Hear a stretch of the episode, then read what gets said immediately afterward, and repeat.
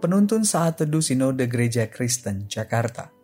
Rabu 21 Desember 2022 Tunas Daud dari Wahyu 5 ayat 5 Lalu berkatalah seorang dari tua-tua itu kepadaku Jangan engkau menangis.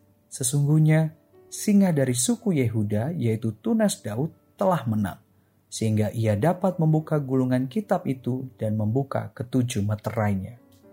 Saudara, dalam konsep Yahudi, seorang raja harus jelas asal-usulnya.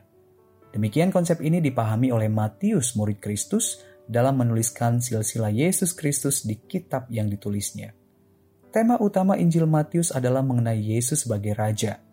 Maka harus jelas asal-usul Yesus sebagai raja pada waktu inkarnasinya ke dalam dunia.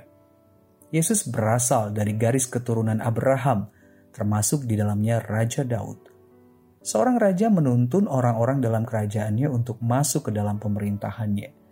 Demikian halnya Yesus yang adalah raja atas segala raja yang menuntun umat pilihan Allah masuk ke dalam pemerintahan Allah baik pada masa kini maupun yang akan datang. Saudara, tunas Daud mengacu pada Yesus Kristus yang berasal dari garis keturunan keluarga Daud yang menggenapi janji tentang Mesias yang memberikan kemenangan kekal yang tercatat dalam Perjanjian Lama. Allah memberikan hak penuh kepada Kristus, tunas Daud, untuk membuka gulungan kitab dan ketujuh meterai yang berisi tentang rencana Allah bagi fase dunia selanjutnya. Kristus adalah Sang Raja yang berasal dari kerajaan Allah yang dalam inkarnasinya lahir dari garis keturunan Abraham, yang menggenapkan kemenangan kekal bagi umat pilihan Allah dari peperangan mengalahkan iblis.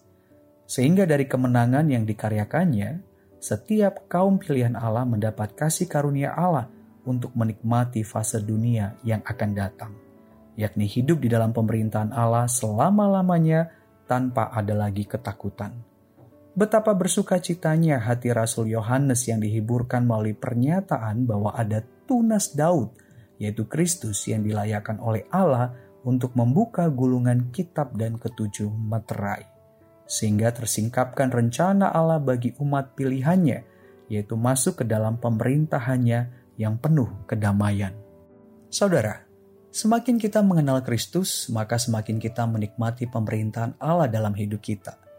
Terlepas dari begitu banyak pergolakan yang kita alami baik di masa lalu, saat ini, maupun yang akan datang Pengenalan kita terhadap tunas Daud Kristus Yesus memberikan kita kekuatan, ketenangan, penghiburan menghadapi semua pergolakan tersebut. Bahkan dari dalam jiwa kita diberikan penglihatan surgawi bahwa kelak kita akan menikmati pemerintahan Allah yang abadi tanpa ada lagi pergolakan hidup. Itu menjadi penghiburan serta pengharapan bagi kita untuk tetap bertekun menjalani hidup sebagai pengikut tunas Daud. Tunas Daud adalah pribadi yang menghantarkan miliknya untuk menikmati pemerintahan Allah yang penuh kedamaian tanpa ada lagi ketakutan. Tuhan Yesus memberkati.